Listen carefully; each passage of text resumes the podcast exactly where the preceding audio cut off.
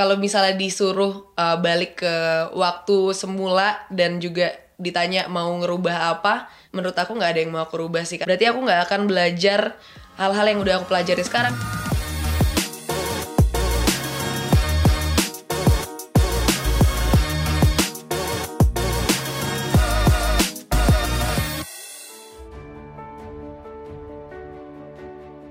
Oh Karin, selamat datang di podcast Ruang Sandi. Seneng banget. Terima kasih, Pak I'm a Sandi. big fan dan selalu Sebaliknya mendapatkan juga. inspirasi dan waktu itu kita ketemu sempat di Iya. lab school ya Iya, di acara Rawamangun.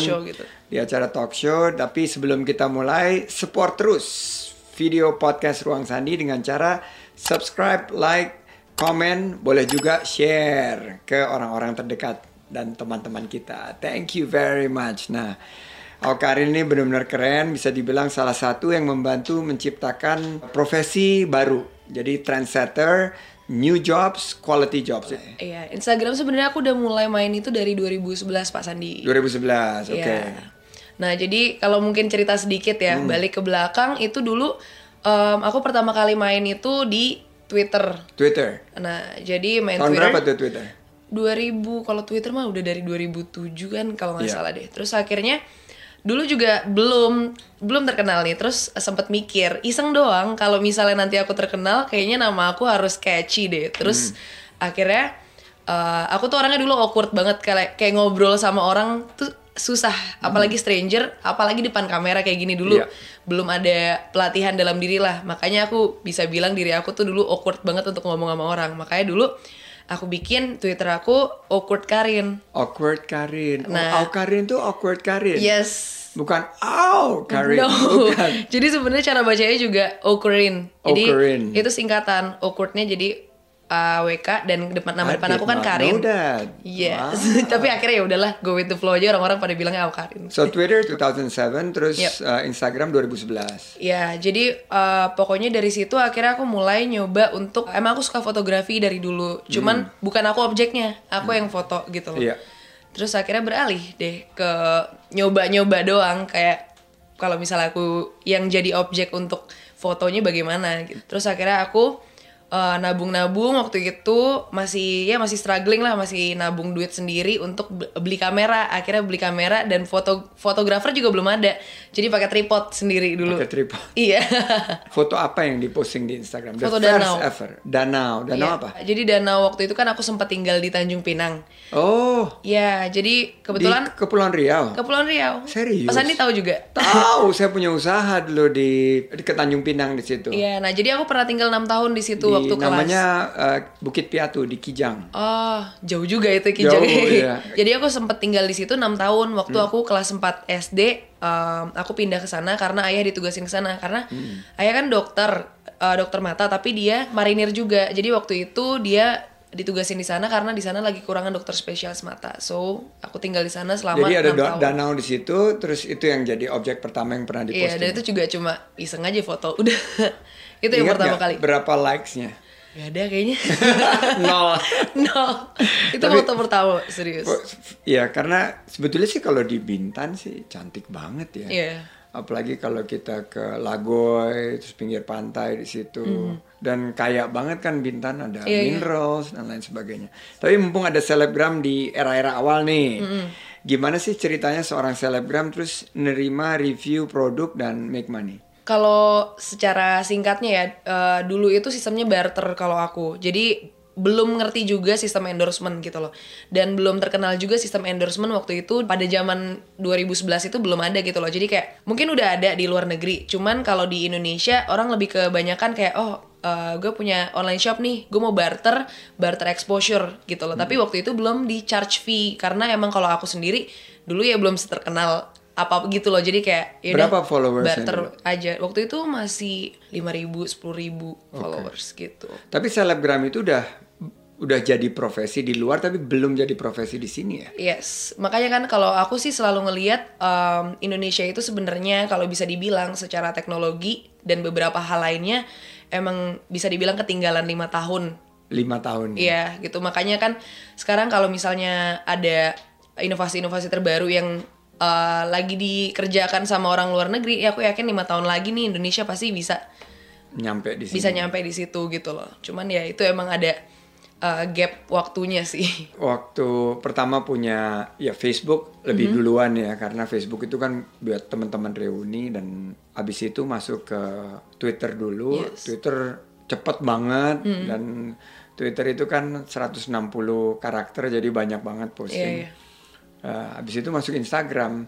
Jadi emang ngelihat bahwa selebgram itu eh, agak telat ya ngelihatnya, tapi udah jadi satu profesi yang luar biasa banget. Nah kalau sekarang ini menjadi eh, selebgram itu apakah satu profesi yang yang sudah menjadi ajak gitu sebuah pilihan eh, profesi dan kira-kira ke depannya nih profesi ini akan bertransformasi nggak? Nah, sebenarnya kalau bisa dibilang uh, selebgram ini masih uh, abu-abu juga ya nggak tahu nih masih belum diakuin sama beberapa orang kalau ini sebuah profesi gitu loh.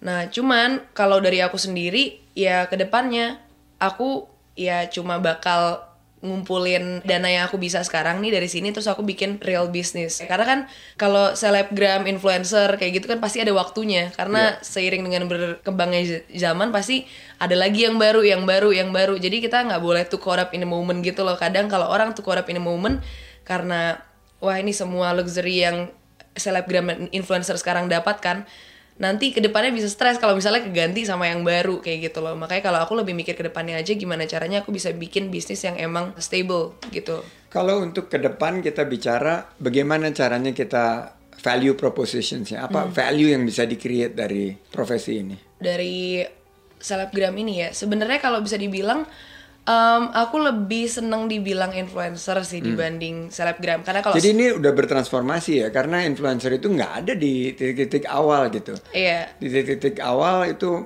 justru lebih ke arah selebgramnya, terus ke sininya begitu sudah banyak Just- uh, followingsnya baru Justru kebalik ke- sebenarnya kalau influencer itu bisa dibilang udah ada sebelum selebgram. sudah ada Karena- sebelum selebgram. Iya, karena sebenarnya untuk jadi influencer itu nggak perlu banyak followers, tapi bagaimana dia punya kekuatan untuk menginfluence orang lain gitu loh. Cuman kalau selebgram dia bisa jadi dia punya banyak followers, tapi dia mungkin nggak punya power untuk nginfluence orang lain. Nah kalau value-nya sendiri dari selebgram ini ya mungkin dia bisa punya kekuatan untuk mengajak orang lain dan dilihat sama orang gitu loh. Kayak ke- eh, dari selebgram ini kan ada micro uh, selebgram ada makro selebgram juga yang Iya. followers berdasarkan followers lah gitu kan. Bisa dilihat mereka tuh kayak beneran gak sih ini produk? Misalnya dia mau jual suatu produk gitu loh atau dia uh, mempromosikan suatu produk orang-orang lebih percaya nih sama orang yang followersnya lebih banyak gitu. Jadi mungkin value yang bisa dilihat tuh di situ kayak dengan jumlah followers sekarang itu jadi sesuatu yang it's a real thing sekarang. Kalau orang tuh ngelihat followers lo tuh adalah suatu di sosial yang kayak lu butuhin gitu loh. Walaupun sebenarnya itu nggak baik gitu kalau misalnya kita ngelihat orang value-nya dari followers. Iya karena kalau kita lihat ya seorang selebgram itu mereview sebuah produk dan ya hasilnya itu efeknya ya mestinya positif kan Iya. buat buat produknya dan dampaknya itu diukur dari mana? Per nanti dia ngepromote sama satu selebgram atau influencer, nanti uh, buying buying produknya itu bisa berapa banyak nih dari si orang ini ngepromosiin, terus juga kayak uh, engagementnya dapat mungkin ada dua sih sebenarnya kalau misalnya kita ngepromosiin ke influencer itu kita mau dapat uh, buying value-nya atau mau dapat brandingnya gitu loh. Oke, jadi menarik banget ya karena ini sesuatu yang baru ya. Dulu kita Iya. kan advertising banget. Sekarang pindah semuanya ke digital marketing. Yes. Eh, semuanya ada nilainya. Menurut kamu di era 4.0 ini kan banyak banget tiba-tiba orang jadi selebgram ini. Apa sisi positifnya dan kalau misalnya ada pesan yang bisa disampaikan ke anak-anak muda nih yang nonton podcast Ruang Sandi ini apa pesannya nih yang would be selebgram ke depan? Kalau untuk aku sendiri, ke depannya eh untuk kalian yang pengen jadi selebgram, youtuber atau influencer dan lain-lain sebagainya, kalian tetap harus mengejar yang namanya pendidikan. Karena aku sering banget denger eh, anak-anak muda, anak-anak mungkin SD bilang, ah gue mau jadi youtuber aja gedenya, gue nggak mau sekolah kayak gitu. Sebenarnya itu salah. Karena kita ketika kita punya pengalaman di jalanan itu penting. Kalau misalnya kita sekolah setinggi tingginya tapi kita nggak punya pengalaman di jalanan juga susah gitu. Berarti eh, suatu teori tanpa adanya eh, emang kita jal apa namanya ngelakuin langsung itu juga bakal nggak seimbang gitu loh. Jadi juga kalau influencer atau selebgram dengan mereka oke gue pengen viral aja gitu loh. Mereka nggak akan bisa nge-maintain ke depannya bakal terus naik gitu loh. Cuma sekedar oh ya gue pengen viral aja gue viral sekali terus ya udah ke depannya nggak bisa di maintain gitu. Jadi emang sebenarnya pendidikan sama ya kalau emang kalian mau jadi influencer pendidikan dan juga em, pengalaman itu penting banget untuk dikombinasiin sih gitu. So guys, it starts and, uh, and ends with education. Mm-hmm. Jadi Karin bilang tadi bener banget. Jadi semuanya itu dimulai dan kita harus memaintain terus edukasi dan peningkatan pengalaman experience. Kamu terkenal dengan sosok yang sangat bebas mengekspresikan Yes. diri.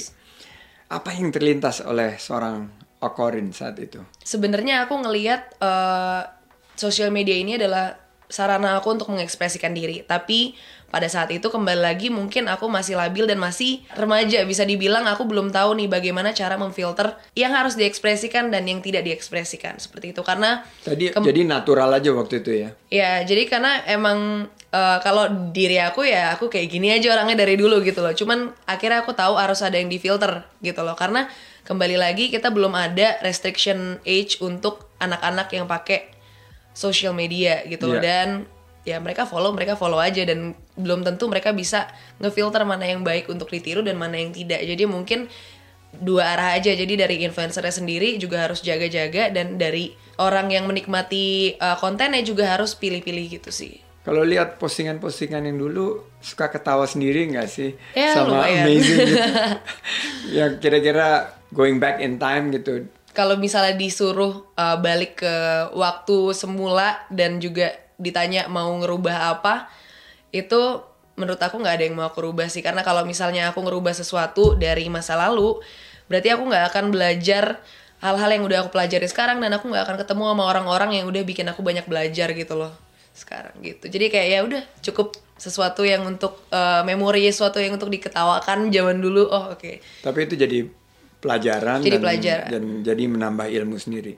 Nah terus di tengah-tengah jadi selebgram tiba-tiba ngumumin di YouTube Oke. bahwa akan quit dari Instagram. aku udah sadar dari 2018 kalau dunia per sosial media ini get, getting kind kind of toxic gitu loh. Kayak orang-orang berusaha jadi orang lain dan mereka malah mengumbar kebahagiaan yang sebenarnya mereka sedang tidak bahagia kayak gitu loh. Jadi kayak memaksakan sesuatu yang mereka belum bisa gitu loh kebanyakan di sosial jadi media. living a different life than the actual Iya life dan that uh, sesuatu yang aku coba suarakan di video itu adalah kayak if you need a break, ya break aja dulu dari sosial media. Kadang bisa toxic banget karena kembali yang tadi aku bilang sosial media itu di mana pun itu belum ada age restriction sekarang kayak Iya. kita punya uh, age restriction di uh, obat-obatan, alkohol, rokok dan klub dan lain-lain. Tapi dan hal-hal itu adalah hal-hal yang adiktif gitu loh, hal-hal yang uh, memancing dopamin kita untuk keluar, makanya kita jadi bahagia. Sebenarnya ada satu teori nih dari Simon Sinek kalau Ma- Mas Iya, tahu Mas Andi? pernah Simon Sinek. Nah, jadi dia TEDx-nya. dan ini sesuatu yang pas ketika aku dengar motiva- uh, motivasi dari dia nih aku jadi kayak oh sadar oh iya bener. Jadi dia bilang kalau sosial media ini sebenarnya lebih berbahaya daripada narkoba dan lain-lain segala macem. Kenapa dia bisa bilang seperti itu? Karena nggak ada age restrictionnya. Kembali lagi kayak waktu orang dapet likes pertama banyak nih likesnya itu mereka bahagia. Kenapa bahagia? Karena uh, likes itu yang memaksa dopaminnya untuk keluar dan akhirnya wah gue bahagia. Akhirnya dia coba lagi nih. Oke kemarin gue uh, effortless aja gue dapat like banyak. Coba deh gue lebih effort nih sekarang. Gue lakuin sesuatu di sosial media lebih effort dan dia expect untuk dapat like yang banyak dan untuk merasakan kebahagiaan itu tadi.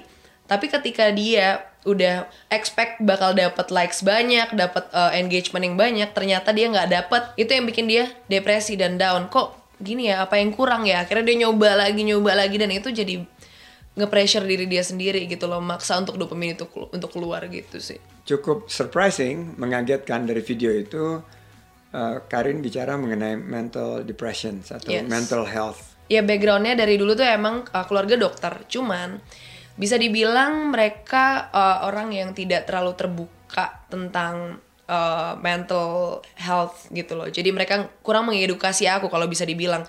Walaupun mereka dokter gitu, makanya kan kadang stigma orang kan mereka dokter masa nggak tahu kan. Tapi kan ada juga orang-orang yang mereka lebih religius gitu loh. Iya. Dan eh, orang-orang tuh eh, ada satu kata-kata yang aku inget banget kalau lo lagi mental lo lagi sakit jiwa lo lagi sakit bukan berarti lo kurang iman kayak gitu loh karena orang-orang eh, ya banyak orang yang bilang kalau kita lagi depresi butuh agama atau butuh ini butuh ini segala macam. Cuman untuk beberapa orang itu mungkin bekerja ya maksudnya kalau misalnya oke kalau misalnya lo lagi depresi coba lakuin kegiatan-kegiatan yang religius kayak gitu loh. Misalnya contohnya sholat atau oke ada beberapa orang yang bisa tenang karena itu tapi nggak bisa semuanya disamaratakan karena nggak semua orang punya faith yang sama gitu loh. Dan makanya sebenarnya stigma orang tentang mental health atau mental illness ini kadang masih salah banget di mana kalau misalnya mental mereka lagi sakit mereka dikira sakit jiwa. Ke psikolog dikira sakit jiwa psikiatris dikira sakit jiwa. Emang bener mereka jiwanya lagi sakit bukan fisiknya lagi sakit dan nggak salah untuk kita mengobati jiwa kita kayak gitu sih. Ya ini sesuatu yang sangat dekat di hati saya karena seseorang yang sangat dekat sama saya juga mengakui dia memiliki um, mental issue. Dan sebetulnya kan itu kondisi kesehatan. Iya. Se- seorang manusia ya bisa sama seperti kesehatan yang lain ya ada obatnya. Yes. dan yang penting itu dia tahu dan mendapatkan support dari keluarganya. Iya betul. Ayah saya sampai nulis buku eh, tentang itu bagaimana dia struggle dari kecil dan dia bisa eh, mengatasi gangguan-gangguan itu karena dia mendapatkan support dari eh, supporting systemnya dia. Eh, keluarga istri dari orang tuanya anak-anaknya dan lain sebagainya. Dan waktu saya tugas di Jakarta itu data yang terakhir bahwa 20% warga Jakarta itu eh, terindikasi mengalami gangguan kesehatan jiwa. Dari yang sangat sangat minor, sangat-sangat ringan sampai yang yang berat. Jadi ngerti banget sih apa Yeah. yang tadi Karin ngomongin.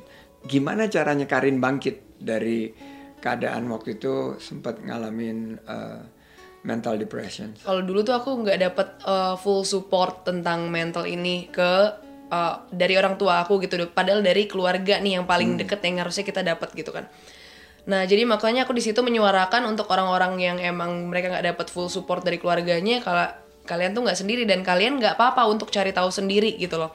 Karena aku akhirnya pada pada akhirnya aku cari tahu sendiri dan bisa dibilang ya nggak terlambat sih cuman udah lama aja baru tahu ketika aku besar dan juga aku udah punya uang sendiri oke akhirnya gue ke psikolog nih sendiri karena kan pada waktu itu kalau bisa dibilang psikolog yang memadai ya di Indonesia kan nggak murah juga gitu loh.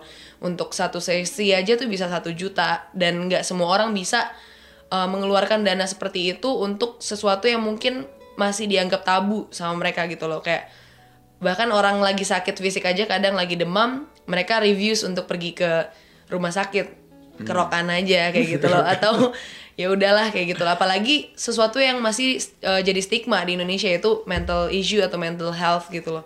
Aku cuma menyuarakan di situ kalau kalian nggak sendiri dan kalian bisa kalau emang nggak dapat support dari keluarga kalian bisa cari support itu ya emang di professionals kayak gitu. Jadi pelajaran lesson learn-nya adalah bagaimana kita mensosialisasi, mengedukasi masyarakat, but it's okay bahwa ini adalah satu kondisi kesehatan yang perlu kita tentunya lakukan terapi, lakukan pengobatannya, dan itu semua sudah disediakan juga ada obatnya masing-masing. yes Menarik. Nah, ini aksi kemanusiaan yang kamu betul-betul jadi viral banget nih dan membangkitkan sisi-sisi terbaik manusia nih. Aukarin turun membantu em, dari segi sosial, membantu masyarakat yang tidak mampu. Apakah itu bagian daripada self healing? Nah jadi pada waktu itu aku ngerasa aku nggak bahagia dari segi apa nih? Padahal kalau bisa dibilang materi udah tercukupi, keluarga juga support, semua juga ada gitu. Cuman apa nih yang bikin gak bahagia gitu loh? Akhirnya aku cari tahu dan uh, aku coba turun di dunia kerelawanan. Ternyata di sana aku nemuin kebahagiaan aku itu justru dengan memberikan sesuatu ke orang lain itu malah aku nggak ngerasa kehilangan malah justru aku merasa lebih dan bertambah gitu loh. Eh, ngelihat mereka tuh seneng ya sesimpel kita nggak usah dengan materi lah kita ketemenin mereka anak-anak kecil ajak main kayak jajanin mereka makanan kayak gitu segala macam mereka udah seneng gitu loh. Dan itu yang bikin aku ngerasa penuh lagi akhirnya. Oh oke. Ternyata ya untuk bikin diri aku bahagia nih di sini ternyata gitu. Jadi akhirnya aku coba fokusin ke Jadi hal-hal bikin kemanusiaan diri kita bahagia dengan membahagiakan orang lain Yes. dan bergerak di sisi kemanusiaan. Tapi luar biasa nih. Kan semenjak kita ketemu di lab school waktu itu, Iya. terus saya sangat tertarik, saya ngikutin banget dan ngeliat bahwa Karin jadi relawan di Palu waktu gempa. Iya. Terus galang dana beli masker untuk korban kebakaran hutan itu gila epic Hmm. banget gitu loh. Foto-fotonya keren banget. Eh, terus juga bagikan 3000 nasi kotak untuk waktu ada Iya. mahasiswa demo dan nggak berhenti di situ ada aksi bersih bersih abis itu Mhm. ini apa yang terlintas dan menginspirasi di semua aksi tersebut Eh. soalnya nggak nyambung gitu loh yang satu ada kebakaran hutan tapi Iya. yang menyatukan itu semua apa Eh, sebenarnya ketika aku bisa lagi bisa bantu eh, dan occasionnya emang aku lagi eh, bisa turun langsung aku pasti turun langsung. Karena aku ada aku emang kerja sama juga sama sekolah relawan. Mereka yang ngajarin aku dari awal aku turun ke Palu jadi relawan. Nah mereka yang ngajakin aku nih tiap ada eh, aksi sosial mereka ngajakin aku. Dan rata-rata sih dari kemarin aksi sosial yang emang mereka lakukan ini itu yang mereka ajak aku. Mungkin ada beberapa yang nggak ada hubungannya cuman ya menurut aku selama aku bisa bantu di berbagai macam hal kenapa enggak? Kayak gitu sih. Ya eclectic gitu all over the place. Tapi Mhm. menariknya karena Okarin yang bawain jadi nyambung gitu. Jadi menurut saya menginspirasi banget sih buat anak-anak muda. Di mana pun berada kita bisa berkontribusi secara positif. Dan dengan kekuatan sosial media ini kan amplifiernya besar sekali. Iya soalnya awalnya juga kan eh, orang-orang tuh nggak welcome. Kayak ah pencitraan ini ngapain lo bantu orang tapi di posting? Justru itu yang salah. Apa gunanya sosial media aku yang punya plat ini platform aku gede dan bisa dibilang aku influencer gitu loh. Apa gunanya kalau aku nggak menginfluence orang dalam berbuat kebaikan gitu loh. Jadi awalnya ya emang di ya ditempa lah sama orang-orang kayak eh, ah pencitraan nih pencitraan. Tapi ya lama kelamaan orang-orang jadi ikutan. Sekarang kan ada masalah apa pun semua orang at least walaupun mereka nggak nggak mau ikutan bantu turun tapi least mereka nggak apatis gitu. Mereka cari tahu gitu loh. Kayak sama aja kemarin RKUHP, RUU PKS dan lain segala macem. Itu teman-teman juga aku kalau lagi nongkrong aku edukasi mereka aku kasih tahu gitu loh. Yang penting lo tahu aja edukasi diri gitu dari eh, kalau emang nggak niat untuk turun atau nggak niat untuk bikin donasi atau nggak nggak mau berdonasi nggak apa-apa. Yang penting jangan apatis sih kayak gitu. Dan caranya ya dengan sosial media ini tadi bisa nyebarin apa informasi sih dari situ gitu loh. Dari kegiatan kemanusiaan yang udah berjalan ini, nilai-nilai apa yang paling didapatkan sama Karin? banyak sih tapi salah satunya aku jadi ngerasa ber- full aja karena berbagi ini. Ternyata selama ini yang hilang adalah di berbagi ini gitu loh mungkin aku selama ini masih kurang berbagi apa gimana Semakin termotivasi ya. Iya dan aku baru bikin foundation kemarin Oh, sama apa temen foundationnya bisa ceritain nggak? namanya Maju Foundation Maju Foundation. Iya, jadi emang di situ non profitable dan emang kita foundernya ada empat itu teman-teman semua, influencer semua dan ya kita mulai dari tiap bulan kita akan bagi-bagi sembako terus terus itu salah satu program kita yang ada yang akan kita jalankan tiap bulan dan nanti tanggal 31 Juli ini kita bakal ke Pulau Tunda. Oh. Jadi itu nyebrang dari Banten dan pulau itu udah empat tahun nggak mendapatkan donasi kurban gitu. Jadi kita akan dari Jakarta dari Banten nih kita akan bawa sapi kita naik kapal selama dua jam ke Pulau Tunda ini sama Keren sapinya.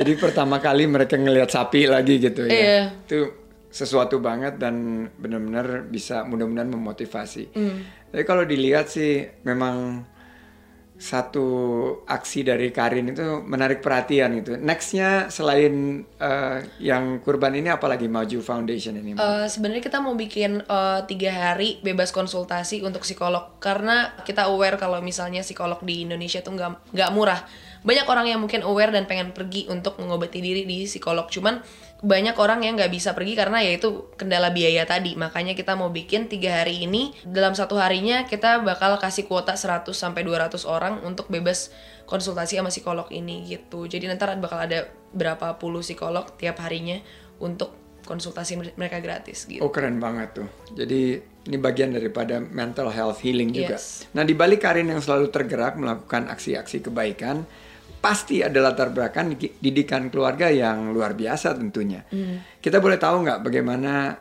seorang Aukarin itu dibesarkan di dalam lingkungan keluarga? Oke, jadi ayah ini tentara AL. Angkatan laut ya. Angkatan laut dan kalau bisa dibilang beliau tuh tegas banget ngedidik anak-anaknya. Kita cuma dua bersaudara, aku ada adik satu. Dan kembali lagi keluarga tuh emang mayoritas dokter semuanya. Jadi udah dokter, AL itu udah keras banget mereka emang walaupun kita anak perempuan gitu. Itu double keras ya. Yes. Dan ya kalau dari dulu sih orang tua, walaupun dulu aku sempat beberapa kali tinggal di lingkungan yang emang berjuis gitu loh kayak teman-teman sekolah aku kalau bisa dibilang mereka emang mampu secara uh, materi malah berlebihan secara materi gitu loh.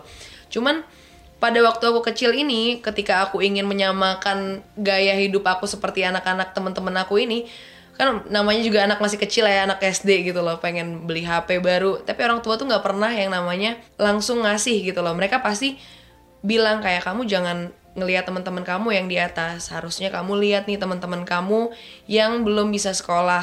Dan daripada kamu beli HP ini kenapa enggak kita uh, uang buat beli HP-nya kita kasih ke anak panti asuhan? Kayak gitu loh. Mereka kayak ngasih lihat nih kita ada kok duitnya. Cuman bukan buat itu. Masih banyak yang bisa kita lakukan untuk orang yang lebih membutuhkan kayak gitu loh. Awalnya waktu masih kecil ya pasti nggak ngerti lah apaan sih? Iya. cuman akhirnya ya lama kelamaan didikan mereka jadi melekat gitu loh di aku gitu. Jadi dari dulu juga mereka tiap aku ingin sesuatu mereka nggak akan langsung ngasih. Mereka pasti kayak apa achievement yang bisa kamu kasih untuk diri kamu sendiri dan untuk keluarga? gitu loh. Kayak misalnya awalnya ranking satu di kelas udah ranking satu oke akhirnya boleh beli ini. Akhirnya ranking satu lagi ranking satu lagi akhirnya eh, mereka jadi kayak kebiasaan jadi kayak ya udahlah ranking satu kan udah biasa. Terus akhirnya bingung nih eh, waktu dulu cari apa lagi nih biar bisa dibeliin misalnya. Akhirnya ikut olimpiade sains matematika cerdas cermat dan lain segala macam. Jadi mereka tuh orangnya emang pengen apa nih yang bisa lo kasih balik ke kita. Cuman maksudnya eh, bukan mereka ngedemand banget gitu loh. Cuman ya kalau emang lo mau kan lo yang mau nih. Coba achievement apa yang lo bisa kasih balik ke kita gitu? Berarti kerja keras ini udah dari awal ditanamkan ya? Yes. Di usia yang sangat dini ya. Dan ini tertuang juga pada kegiatan-kegiatan sosial di mana Karin ngelihat bahwa value daripada satu uh, barang atau jasa itu kalau diberikan kepada orang yang lebih membutuhkan itu akan akan jauh lebih bermanfaat gitu. yes betul. Apa satu prinsip dari orang tua yang Karin akan selalu ingat banget sampai sekarang? Eh, ada kalau dari ayah sih ayah selalu bilang em, jangan pernah lupa untuk berbagi dan sedekah kalau bisa dibilang dia bilang gitu. Karena nggak ada istilahnya nggak pernah ada sejarahnya orang jatuh miskin karena sedekah.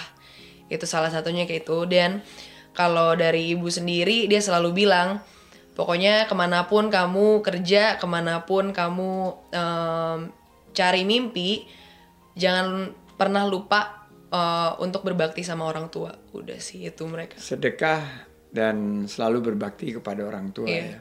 Ya sedekah itu kan berbisnis tapi dengan sang pemilik Iya. semesta alam ya. Nah kalau selain orang tua, support dari siapa saja yang selama ini ikut mendukung. Keluarga pastinya sama dari tim juga sih Oh ada tim ya. iya maksudnya dari tim Itu kan aku suka lihat di posting-posting tuh yang Iya. suka ikutan seru banget. Iya dari mereka juga maksudnya em, aku jadi ngerasa aku nggak boleh berhenti sampai di sini karena ada yang bergantung nih sama aku gitu loh. Jadi bukan aku hidup untuk diri aku sendiri. Mereka sekarang kerja sama aku dan mereka ya menggantungkan hidupnya sama aku. Jadi aku nggak boleh sebentar-bentar nyerah, sebentar-bentar capek, ngeluh kayak gitu loh. Karena ya aku ngelihat mereka gitu loh. Wah, ini kita udah ngobrol lebih dari setengah jam berat banget, daging banget nih.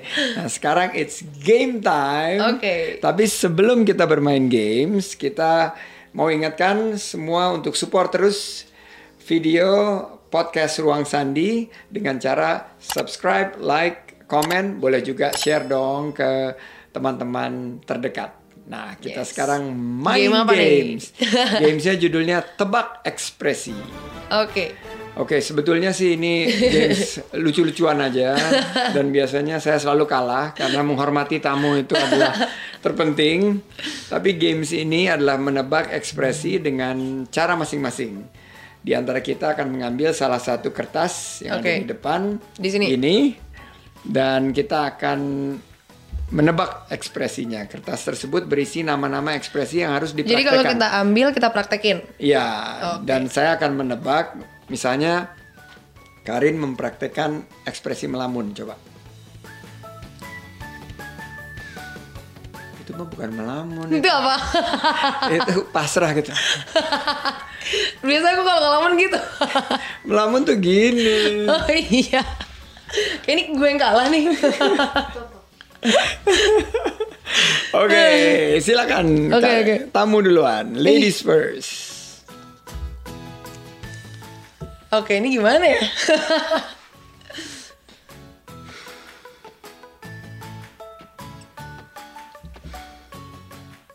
Terenyuh, Bukan. ini juga gak tahu nih kenapa kata-kata ini. em, kagum. Bukan. Oh, jatuh cinta. oke, hampir bener sih, tapi oke lah cinta. Oke cinta. Cinta tuh nggak ada masa. itu mah bukan cinta itu mah tarik napas. Terus kalau dari Pak Sandi gimana kalau cinta? Kalau cinta, boleh, boleh, boleh. boleh, boleh, oke. oke. Tapi biasanya aku ngalah sih. Oke, Ya, coba. Tadi kebetulan aja. Eh, gue gak, nggak nggak bisa nih main game gini. gue kan tidak berekspresi orangnya. Ready? Oke.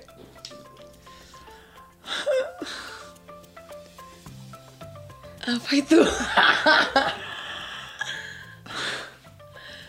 Kecewa. Dikit lagi. Patah hati. Satu lagi. Apa itu? Sedih. Apa? Terharu. Oh, bukan terharu Mas Andi mau ter Terharu dong. Aduh, gitu kan. Terharu. Tadi kayak takut gitu. Eh, takut, takut kan. Oh, gitu. Oke oke oke. Oke ini kayak menang sih cepet ini. Au. Sakit. Eh, lebih jelas ya. Itu kepentok. Kesakitan. Oh, setengah lah dapet ya oke setengah. fine setengah. Satu setengah. Oke. Oke, aku sekarang. Ini susah-susah banget. Oke, ini sih gampang banget. Ini mah. Coba coba. Sampai berdiri loh. Kaget. Iya. Yeay, di satu setengah sama nih kita berarti. Oke.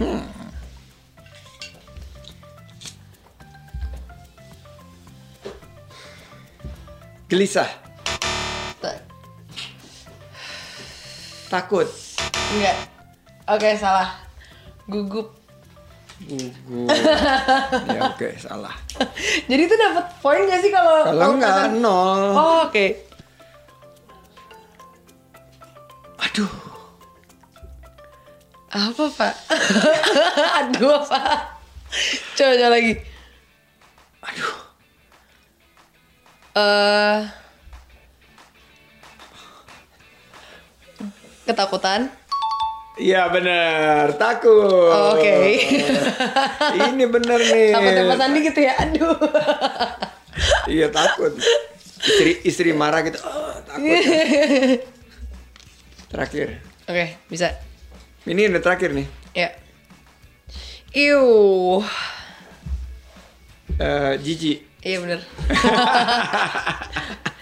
Cepet banget gue ya. Jijik Oke, sekali. ini terakhir penentu. Final one. Oke. Final one. Aduh.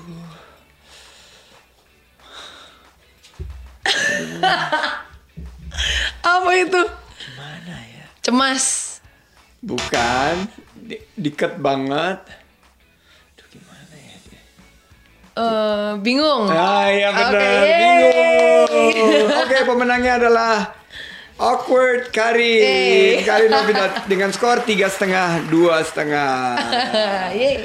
Oke, ini luar biasa banget kita. Sekarang kita sudah di penutup. Tapi apa arti perubahan dalam hidup seorang Karin Novilda? Ini kan kita di pandemi COVID-19. Saya udah sering tanya mengenai hikmah COVID-19. Tapi COVID-19 itu memicu satu perubahan. Perubahan perilaku, adaptasi, dan lain sebagainya. Apa makna perubahan? Perubahan buat aku sendiri adalah proses dari pendewasaan diri salah satunya itu dan sebenarnya perubahan itu banyak ditakutin sama orang tapi kadang dengan perubahan kita bisa melangkah jauh lebih maju lagi walaupun perubahannya bisa ke arah yang negatif ataupun positif cuman kalau misalnya kita see the bright of everything kita bisa dapat suatu suatu hal yang positif dari perubahan itu gitu. Keren banget.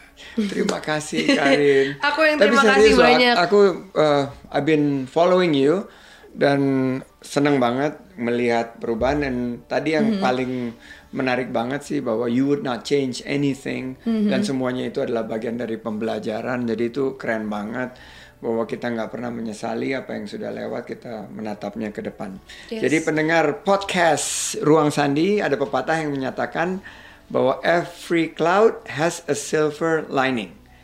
Nah, yaitu selalu artinya bahwa ada satu harapan, meaning that there is hope or something good to be found in every bad situation. Yes. Jadi itu selalu ada hikmah di balik musibah, ada kalau ada suatu yang terjadi masih terjadi harapan. Dan setiap awan memiliki juga sisi-sisi indahnya, Iya, sisi-sisi yang sangat fenomenal. Semoga kita semua selalu bisa berdamai dengan diri sendiri seperti Karin dan bisa Berdamai berdamai, dengan masa lalu juga. dengan masa lalu, berdamai dengan lingkungan sekitar, dan yakin melangkah maju menuju hal-hal yang baik. Sometimes people have mistake, Yeah. betul kan? I had mistake. Ada apakah nyesel? Ada, tapi I would not change Mm-hmm. karena that makes me. Mm. Jadi itu yang menurut saya kita harus belajar dari sini. At the end of the day, people change. Ya, karena sebenarnya kesalahan yang kita lakuin di masa lalu tergantung kita mau ngelihatnya bagaimana di masa depan. Akankah kita menjadikannya itu suatu pembelajaran dan pendewasaan diri atau kita mau tetap merenung dan menyesali perbuatan itu. That's so powerful. Guys, support terus video podcast Ruang Sandi dengan cara subscribe, like, Like dan komen, juga. komen, boleh juga share ke orang-orang yang terdekat dan teman-teman Yes. baiknya. Teman-teman baiknya Karin, please support podcast Ruang Sandi supaya kontrak saya nggak dicopot. Sampai jumpa di video berikutnya dan Bye. kita selalu tutup dengan foto-foto selfie.